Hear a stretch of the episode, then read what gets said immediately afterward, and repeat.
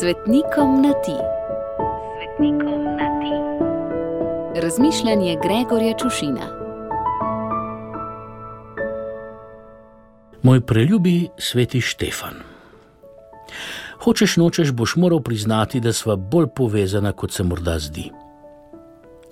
Pred nekaj leti sem prav na današnji dan, tvoj godovni dan, na dan, ko se spominjamo tvojega mučeništva, sklenil končati svoje mučeništvo. Torej, ti si na ta dan pretrpel mučeništvo, meni pa je zmanjkalo potrpljenja in sem se odločil, da ne bom več trpel mučeništva in sem dal odpoved.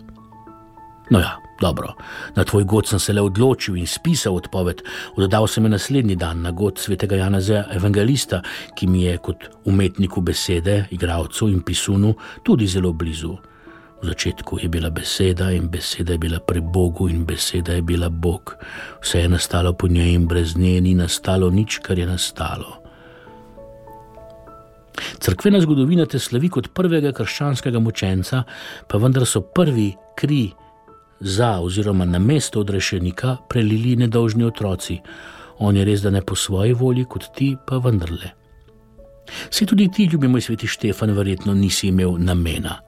Hočem reči, verjetno se dotičnega dne nisi zjutraj zbudil, se pretegnil po križu in si rekel: Danes bom umrl za Kristusa. Ne, vstal si in šel po svojih vsakdanjih in vsakodnevnih opravkih, ko so pristopili k tebi tvoji rabli, te zgrabili in odvlekli pred veliki zbor. In tu si seveda imel še možnost. Lahko bi lagal, lahko bi zatajil Boga in sebe, lahko bi si rešil življenje pa si se odločil za osko pot, za edino resnico in večno življenje. Pripravljen biti, to je vse, izreče Hamlet proti koncu drame. In je to pesniški prevod evangelskega stavka, ne veste, ne ure, ne dneva. V slehrnem trenutku dneva, v slehrnem dnevu življenja, biti pripravljen izreči: biti ali ne biti, oziroma tukaj sem, pošli mene. Ko bi se postavil na cesto in ljudi spraševal, če vedo, kdo je Hamlet in ali poznajo svetega Štefana, sem prepričan, da bi jih veliko več poznalo Hamleta. In še pol tistih, ki bi glasovali za te, bi jih glasovalo z mislimi na polotok na Črnogorski obali. Hamlet je znan po znamenitem monologu, v katerem izraža strah in dvom o življenju potem in on stran.